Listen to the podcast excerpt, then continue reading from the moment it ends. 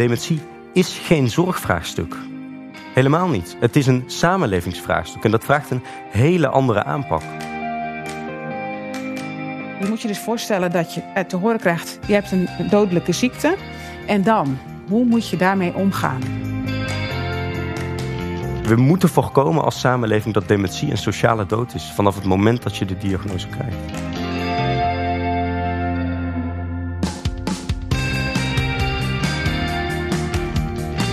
Kennis is er om gedeeld te worden. In Utrecht maakt kennis, een programma van Podium, ontdek je de tofste onderzoeken van de Hogeschool Utrecht van dit moment.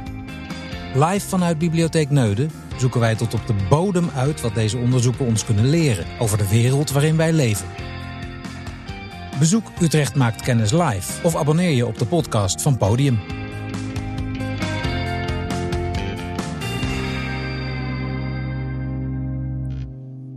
Wist jij dat 1 op de 5 mensen dementie krijgt? En dat de kans bij vrouwen zelfs 1 op 3 is? Hoe gaan we daarmee om als maatschappij? En vooral, wat moet er anders? Daarover gaat deze editie van Utrecht maakt kennis. Te gast zijn Jacoba Huizenga, onderzoeker bij de lectoraten Participatie, Zorg en Ondersteuning en Proactieve Zorg voor Thuiswonende Ouderen, en zorgvernieuwer Teun Toebes. Teun woont op de gesloten afdeling van een verpleeghuis en schreef daarover het boek Verpleegthuis.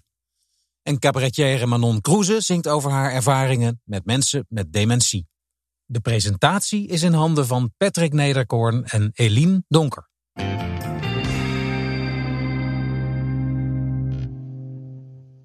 Er is veel te lang onderzoek gedaan over mensen met dementie. Maar ik ben juist zo nieuwsgierig geworden wat hun perspectief is op hun dagelijks leven en op wat hun zin geeft in het leven.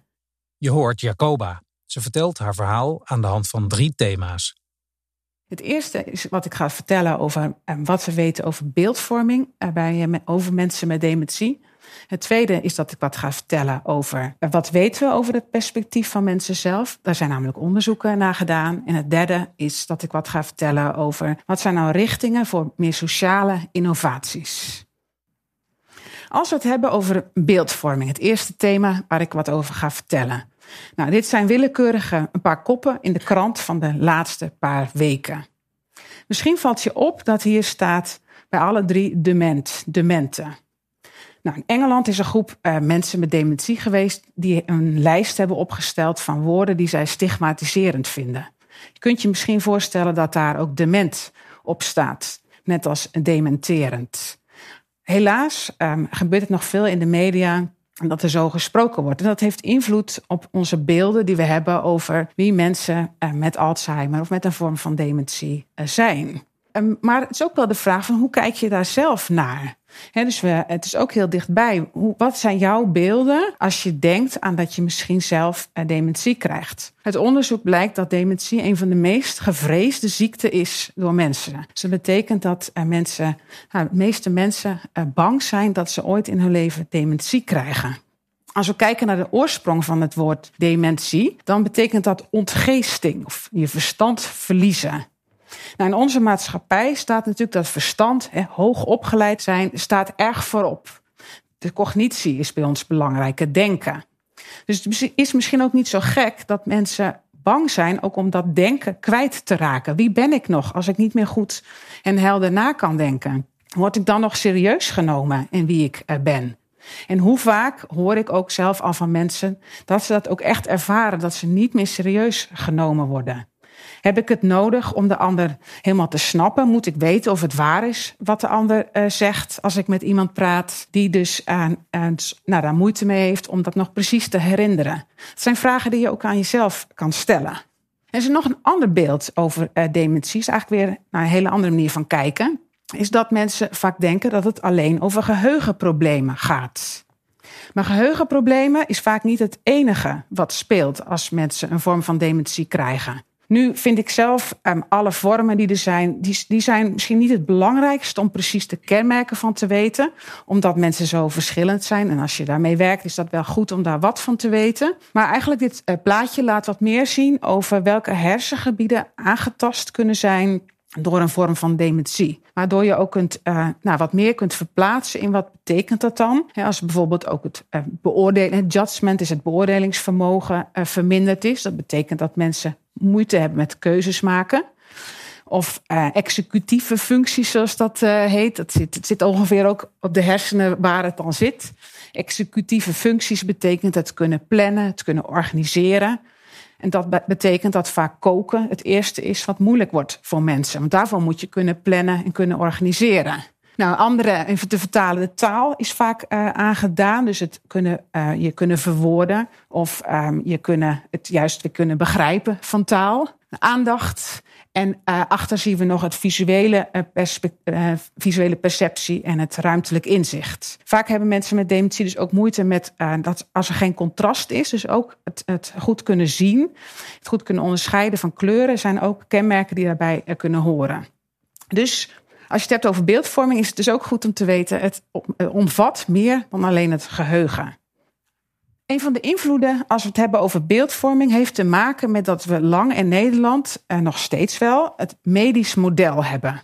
In uh, het medisch model speelt ook bijvoorbeeld in de psychiatrie een, een grote rol. En uh, daar zit op zich een meerwaarde in. Dat wij in Nederland veel geld investeren in het vinden van medicijnen, in het doen van goede diagnostiek, dus dat je tijdig een diagnose krijgt, dat is van enorme meerwaarde.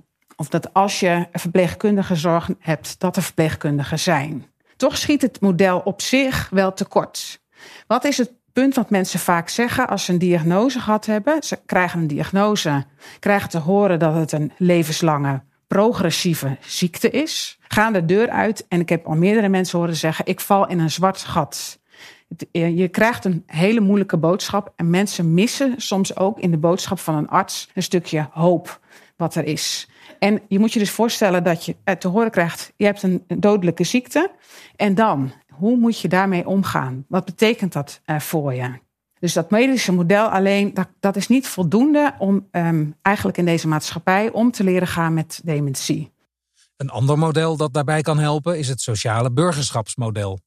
Nou, het zegt het al, niet, hè, dat je een burger bent. We zijn allemaal burgers, we zijn allemaal mensen.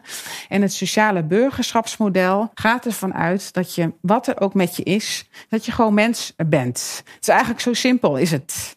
En toch is het nog best wel heel moeilijk voor ons om dat daadwerkelijk toe te passen. En niet alleen vanuit zorg te denken, maar veel meer te denken vanuit de basale behoeften die mensen hebben.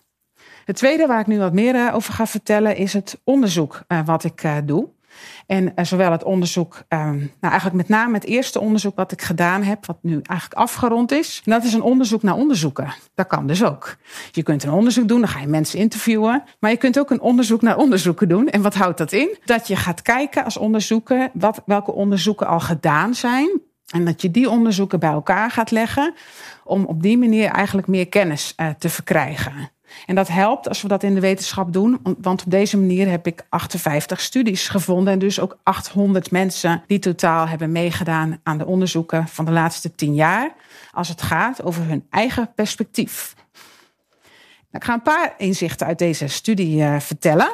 En dat zijn een paar uh, citaten die ik genomen heb. Citaten van uh, mensen die meegedaan hebben aan de onderzoeken. Want dat vind ik altijd, spreekt het meest tot je.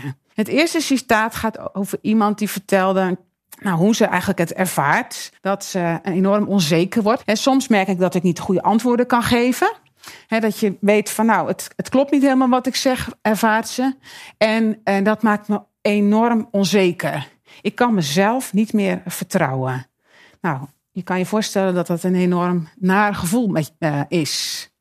Iemand anders uh, die vertelt van ik ben nog steeds mezelf. Ik ben nog steeds dezelfde of in ieder geval een versie eh, van mezelf. dus iemand eigenlijk ervaart van mij, ik, ik, in wezen verander ik niet. En de derde, en dit is ook een mooie, dat kunnen wij nooit tegen een ander zeggen, maar kan iemand denken alleen uit zichzelf vertellen. Neem, zoals het neem het zoals het is en leef vandaag. En je kan je voorstellen dat dat een, een herstelproces is om dat eh, te kunnen zeggen. Wat zijn nu mogelijke richtingen voor sociale innovaties? We pikken er twee uit. Wat, er zijn twee richtingen, denk ik, voor, belangrijk voor sociale innovaties, ook in Nederland. Dit is een plaatje uit Engeland. Zij noemen zich de Dementia Enquirers. En dat is een groepje mensen die uh, zelf onderzoek doet. Dus mensen met dementie.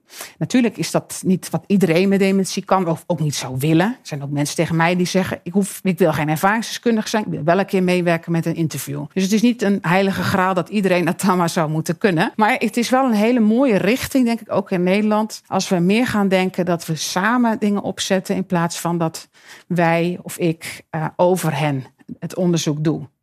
Dus dat is een interessante ontwikkeling. De tweede uh, innovatieve richting die um, ook, ook wel een deel al in Nederland wel ontwikkeld is, zijn uh, de manier van denken vanuit sociale contexten. Dan denk ik, um, je ziet hier de drie sociale contexten zoals we die kennen binnen het sociaal werk. Dat zijn individuen in hun, um, eigenlijk in hun eerste leefomgeving. En dat zijn netwerken en dat zijn gemeenschappen. als je kijkt naar het sociale leven, dan zijn dat de drie perspectieven waaruit je, waarvanuit je kan kijken. Dus dat betekent bijvoorbeeld, we hebben Odensehuizen, ook in, uh, hier in Utrecht. Dat zijn laagdrempelige ontmoetingsplekken waar mensen met elkaar groep vormen en dingen doen die van betekenis uh, zijn. Sociale benadering in uh, Nederland, dat is ook een hele mooie, mooie ontwikkeling die veel meer vanuit het sociale perspectief aanvullend op het zorgperspectief werkt. Het gemeenschapsperspectief gaat daarin nog een stapje verder. Dat gaat ook echt over hoe kunnen wij onze toekomst uh, samen, een samenleving creëren. Waarin niet iemand alleen naar een auto zwaait en hoopt dat er iemand terugzwaait. Maar dat er ja, echt ontmoetingsplekken en uh, ja, dat we ook echt in daarin samen kunnen doen. Als jij nou zegt we moeten veel meer naar dat sociale burgerschap. Hoe, hoe zorgen we ervoor dat dat dominant wordt en niet die, die diagnose die gesteld wordt en dat daarna het hele leven verandert? Mm -hmm. Heb je daar. Uh... Ja. Um, misschien wel tegenstrijd, schijnbare tegenstrijd, door het er juist wel over te hebben. Ik denk dat we soms geneigd zijn dat we denken: oh, we moeten veel afleiding. Vriendin van mij zegt entertainment uh, organiseren. Nee, juist ruimte creëren uh, dat, dat het er gewoon over mag gaan. Dat het geen spannend onderwerp is en dat er, en ik denk dat daar echt nog een gemis ligt, dat er dus ook materiaal is die je ondersteunt, uh, zodat je daar, nou ja, dat je ook mensen ontmoet waar je het erover kunt hebben. En dat het niet meteen een reflex is, oh, nu moet er van allerlei zorg komen. Ja. Maar veel meer het gesprek daarover. Ja, snap ik. In allebei de gevallen inderdaad. Ja, mm -hmm. Dat het dan en misschien de angst. Uh, ja, want het is, je moet, we moeten het ja. ook niet idealiseren. Je hebt echt met een rouwproces te maken. Ja. En daar, die angst is heel reëel uh, voor mensen. Dus daar moet ook aandacht voor zijn, uh, denk ik. Straks hebben we nog een slotgesprek. Maar voor nu dankjewel, Jacoba Huizinga. Ja. Is al uh, veel besproken nu uh, vanavond, uh, maar we gaan nu in gesprek met Teun Toebes. Hij maakte op 21-jarige leeftijd de gedurfde keuze om op een gesloten afdeling van een instelling voor mensen met dementie te gaan wonen. Over zijn ervaringen in dit verpleeghuis schreef hij het boek Verpleegthuis. En hij ziet het als zijn missie om het leven van mensen met dementie te verbeteren en het stigma rondom deze ziekte te doorbreken. Teun, ik wil je graag uitnodigen om uh, hier bij mij op de bank te komen zitten. Yes. Gezellig. Dank je. Um, nou, jij begon natuurlijk met stage lopen in een instelling. En uh, toen begon je eigenlijk te twijfelen of je überhaupt door wilde gaan met waar je mee bezig was. En een tijdje daarna besloot je om op de gesloten afdeling te gaan wonen. Wat veranderde er voor jou? Een besef dat we compleet voorbij gaan aan de stem van mensen met dementie. En dat we als samenleving niet gelijkwaardig leven met mensen met dementie. En dat kwam toen um, corona aanbrak. Um, ik was ook mantelzorger van de jongste zusje van mijn oma. En ik kwam in een rollenconflict. En ik kwam erachter dat we onderscheid maken op basis van rollen.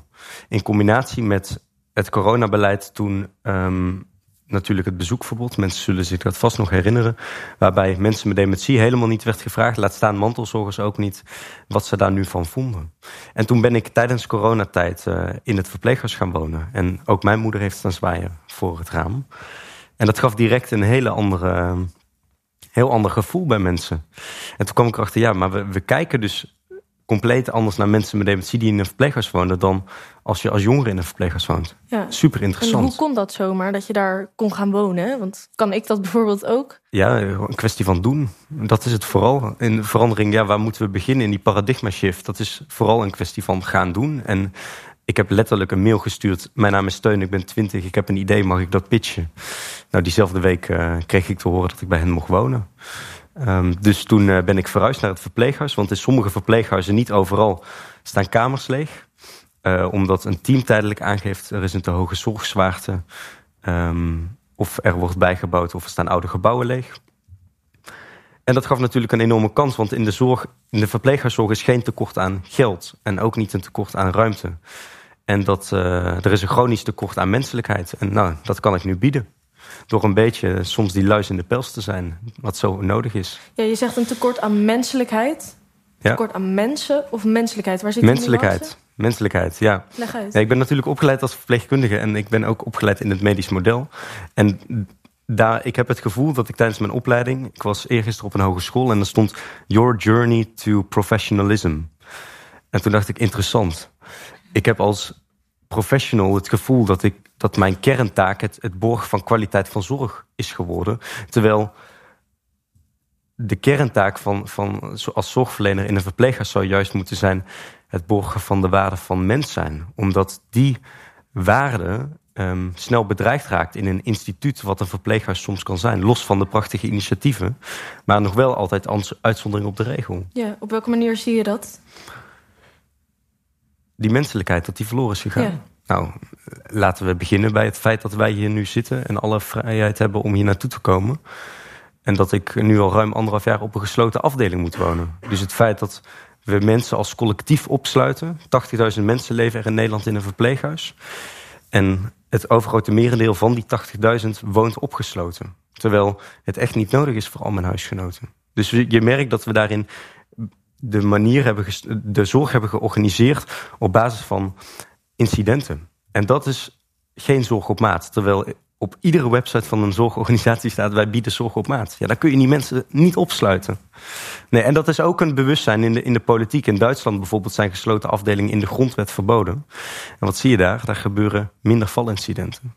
Dus je kunt jezelf ook de vraag stellen of onze um, manier hoe we het systeem hebben ingericht ook ja, die menselijkheid daarin stimuleert. En of we zorgverleners ook laten doen wat ze juist zo goed kunnen. Of dat we in een soort overcontrole schieten. Ja, en waar trek jij dan de grens tussen waar mensen zelf beschikking kunnen hebben en waar mensen toch nog wel bescherming nodig hebben? Dat kan ik niet zeggen. En dat is juist precies het probleem: dat we overal een eenheidsworst van maken en dat we denken we willen uh, zelfbeschikkingsrecht op een bepaalde manier vormgeven. Um, hoe zie jij dat dan voor je? Nou, uh, kijk, vaak wordt er, ik hoorde net het woord ook al vallen, wordt er gesproken over idealen. Wat zijn je idealen? Wat is je ideale wereld? En dat wordt vaak in deze context gevraagd: van hoe zie je dat voor je? En dan reageer ik altijd. Laten we met elkaar bespreken dat, dat waar ik mezelf voor inzet en meerdere mensen in Nederland zichzelf voor inzetten en over uitspreken, dat is geen ideaal. Kijk, wij zijn super jong. Waarom mogen wij alles doen in ons leven wat God verboden heeft?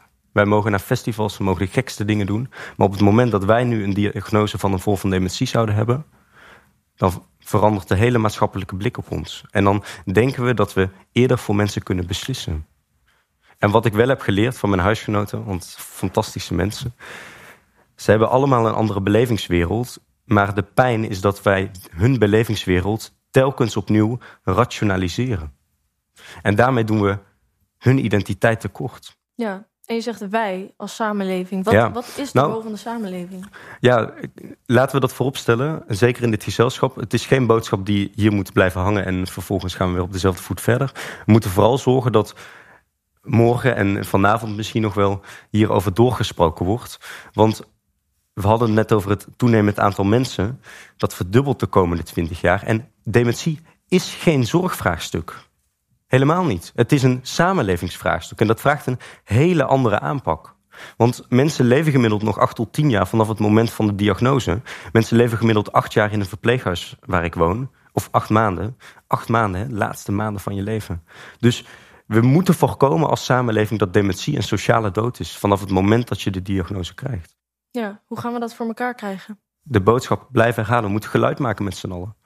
We moeten juist die luis in de pels durven zijn in het systeem. Want onszelf neerleggen bij het is de schuld van het systeem is veel te makkelijk. Het is een excuus om niet te willen veranderen.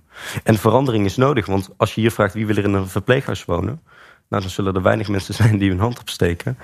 Maar het is wel de realiteit. Als wij zelf nu niet veranderen, dan wonen we later in een verpleeghuis. Want ook voor ons is die kans 1 op 5. Nou, ik wil eigenlijk wel uh, richting, de, richting de zaal gaan. Want zijn er naar aanleiding van dit verhaal... Je mag alles vragen, hoor. Opgekomen?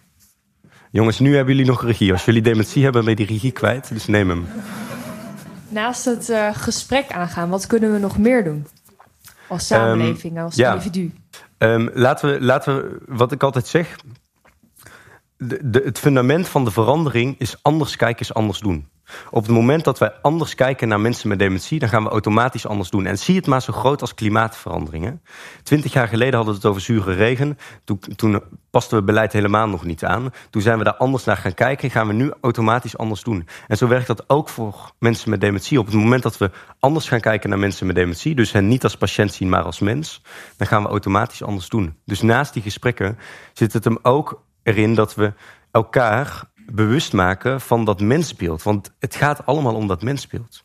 En van dat, vanuit dat andere mensbeeld kun je de vraag stellen of de zorg altijd nodig is. En of we mensen in de verpleeghuiszorg niet zieker maken dan ze zijn.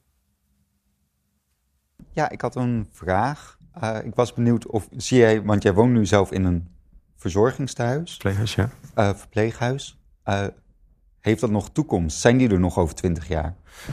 leuke vraag. Nee.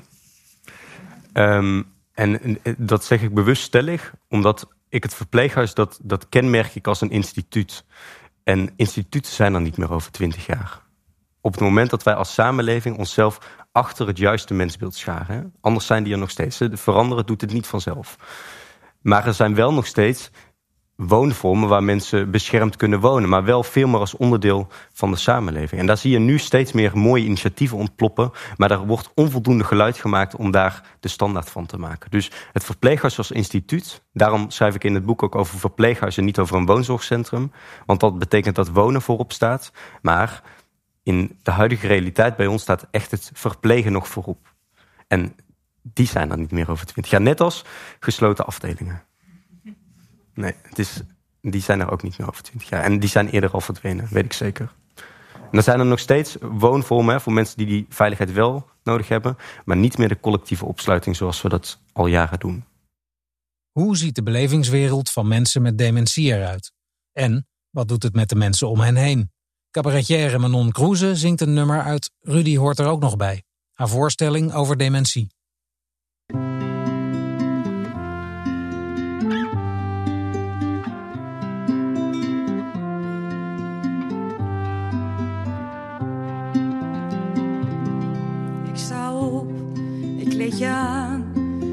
Je brood, je bent tevreden. Ik sta alsmaar aan jouw zijde. En daar doe ik het ook mee. Ik vind je lief, je bent mijn maatje. Voor jou ga ik door het vuur. Die belofte staat al jaren. En die is me nooit te duur. Je rent weg, ik volg ik lach Je bent mijn beste vriend. Zo hou ik het ook vol. Dat zal ik altijd blijven doen. Niets valt mij te zwaar. Ja, ik bedoel, ik ga bijna met pensioen.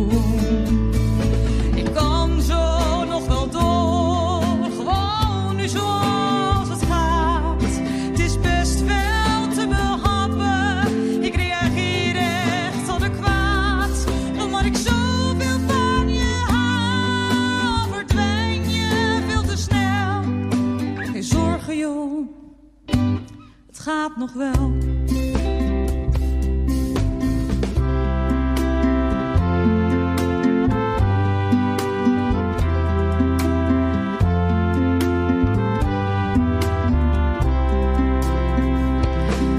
Ik wil slapen, jij echt niet. Ik kleed je om, jij wordt boos. Een kusje op je voorhoofd doet me weg, ik wil slapen, jij echt niet. Je dwaalt rond in de gang, voor je springen en je lacht. Ik wat klanken en gezang. Ik wil slapen, jij echt niet. Je doet het licht aan in paniek, trekt de lakens van me af. Kapot gescheurd, ja, hey, maar je wiek, je trek je broek staan plassen, de klok slaat dwingend hard. Ondertussen sta je naakt, we beginnen weer bij start. Ik wil slapen, jij echt niet, maar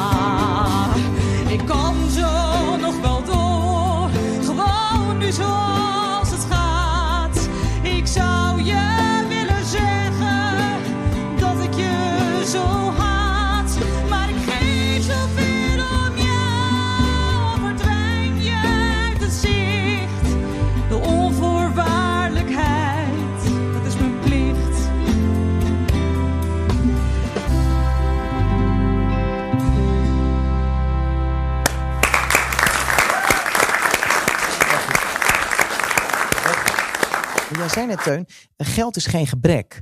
Eh, Gevaarlijke uitspraak. ja, ja, zeker. Dus we- pakken we je meteen op. Nou, ik, Eh, ik kan maar- hem wel verhelderen. Ja, Laat ik het zeggen. Het, de, ehm, natuurlijk, als het aantal mensen met dementie verdubbelt en het budget blijft hetzelfde, dat, dat is een heel ander verhaal. Maar Mhm.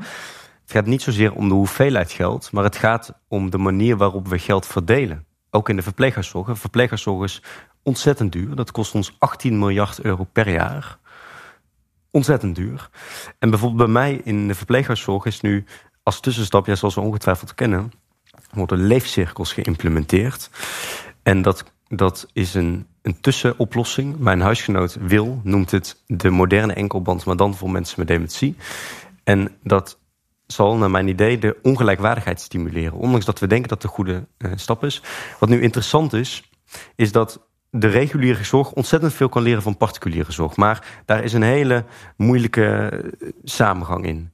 Want particuliere zorg zijn ondernemers. En zij kijken kritischer naar het geld. En leefcirkels is een tussenstap. En ondernemers geven dat wat geld is niet dat uit. precies? Wat is Ja, dat, dat is een bandje en dat bepaalt welke deuren voor je open gaan Ah, en welke oké. niet. En dat Ah, ja. bepalen de zorgverleners in overleg met je familieleden. Dus de stem van mensen met dementie wordt daarin ook niet gehoord. Ehm, vandaar ook die moderne enkelband. Ja. Maar die leefcirkels zijn dus in, aangelegd in het verpleeghuis waar ik woon. En jongens, hou je stoel vast. Maar dat kost voor onze locatie 2 ton. Zo. 2 ton zorggeld.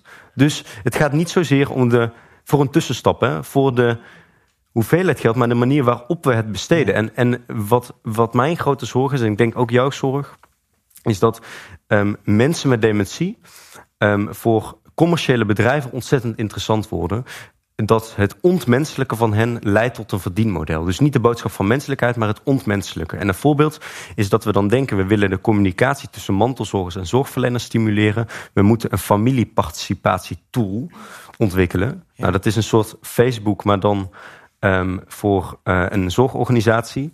En ook dit kost gewoon weer 30.000 euro zorggeld per jaar om dat abonnement te hebben voor een organisatie. En dan denk ik alleen maar, waarom gebruiken we niet gewoon WhatsApp? Net als heel Nederland gebruikt. U had ook nog een vraag.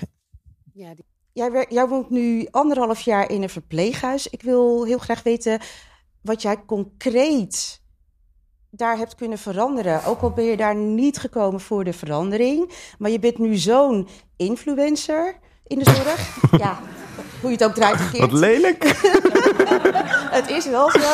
Oh, wat Ehm, lelijk. Ja. Heb je concreet iets op jouw werkplek kunnen veranderen? Op jouw Ja, woonplek? dit is een typische systeemvraag. Hè? Dus ik moet het kwantificeren om het concreet te maken. Laten we vooropstellen dat, dat hetgeen dat het allerwaarde, het meest waardevol is, dat is de relatie met mijn huisgenoten. En dat je die vriendschappen kan bouwen met mensen in die laatste levensfase. En dat je van mensen gaat houden, dat het ook als een groot verlies voelt als mensen overlijden, maar dat je dat wel mag opbouwen. Dat is het allerbelangrijkste.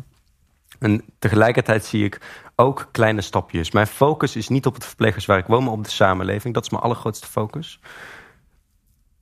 Maar wat ik bijvoorbeeld, om het concreet te maken... toen ik net in het verpleeghuis woonde, zat ik op een gegeven moment... dat heb je ook in het boek gelezen, in de huiskamer.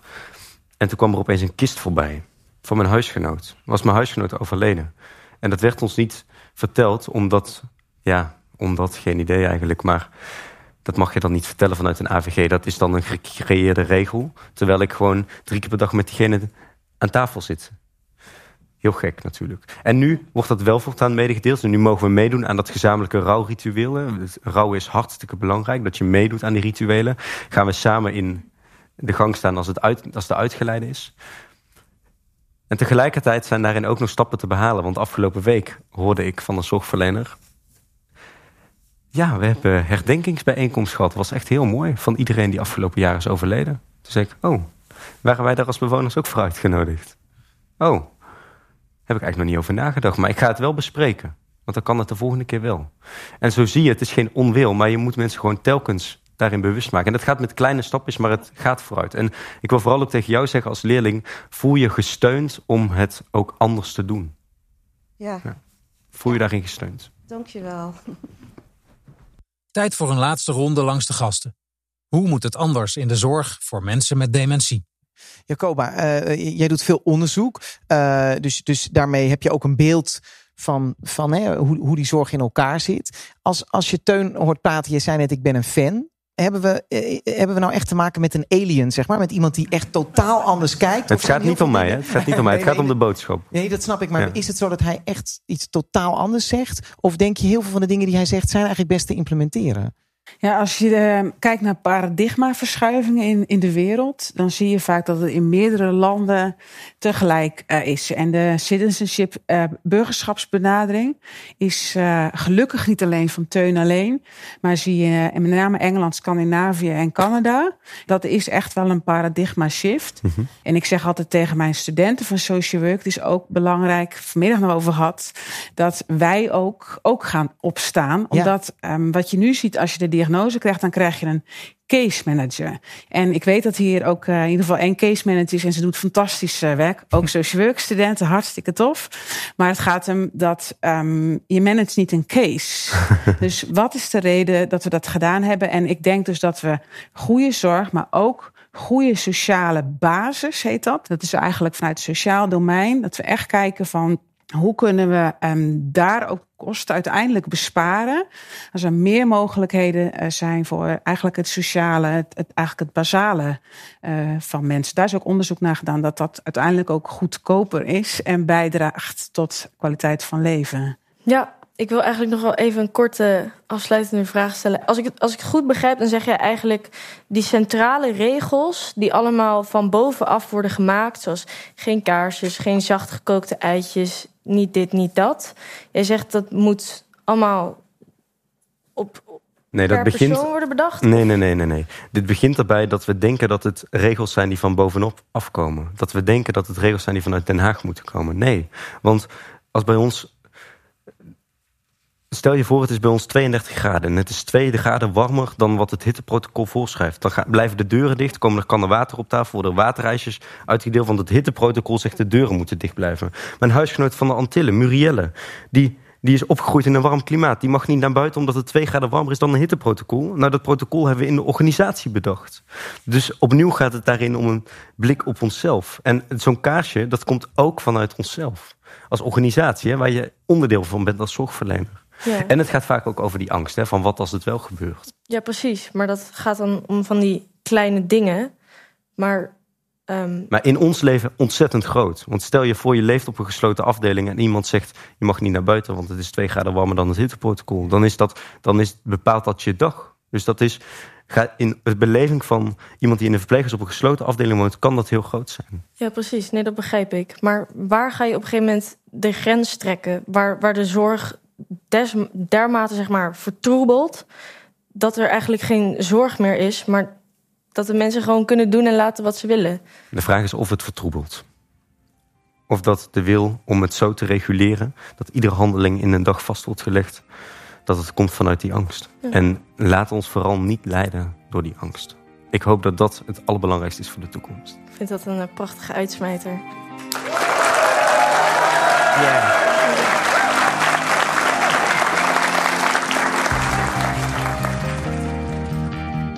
Wil jij Utrecht maakt kennis of een ander programma van Podium live meemaken? Kijk op podium.hu.nl/slash agenda voor de komende data. Of volg Podium op Insta via podium.hu. Vond je dit een interessante podcast? Laat dan een review achter in je favoriete podcast-app. Utrecht maakt kennis is een productie van Podium, het cultureel studentenplatform van Hogeschool Utrecht. Gasten in deze aflevering waren Jacoba Huizinga, Teun Toebes en Manon Kroeze. Programmaproductie Alinde Hoeksma en Siete Vermeulen. Live presentatie Patrick Nederkoorn en Eline Donker. Partners Bibliotheek Utrecht en de lectoraten Participatiezorg en Ondersteuning en Proactieve Zorg voor Thuiswonende Ouderen. Deze podcast werd geproduceerd door Matthijs Duringhof en Michiel van Ruitenbeek.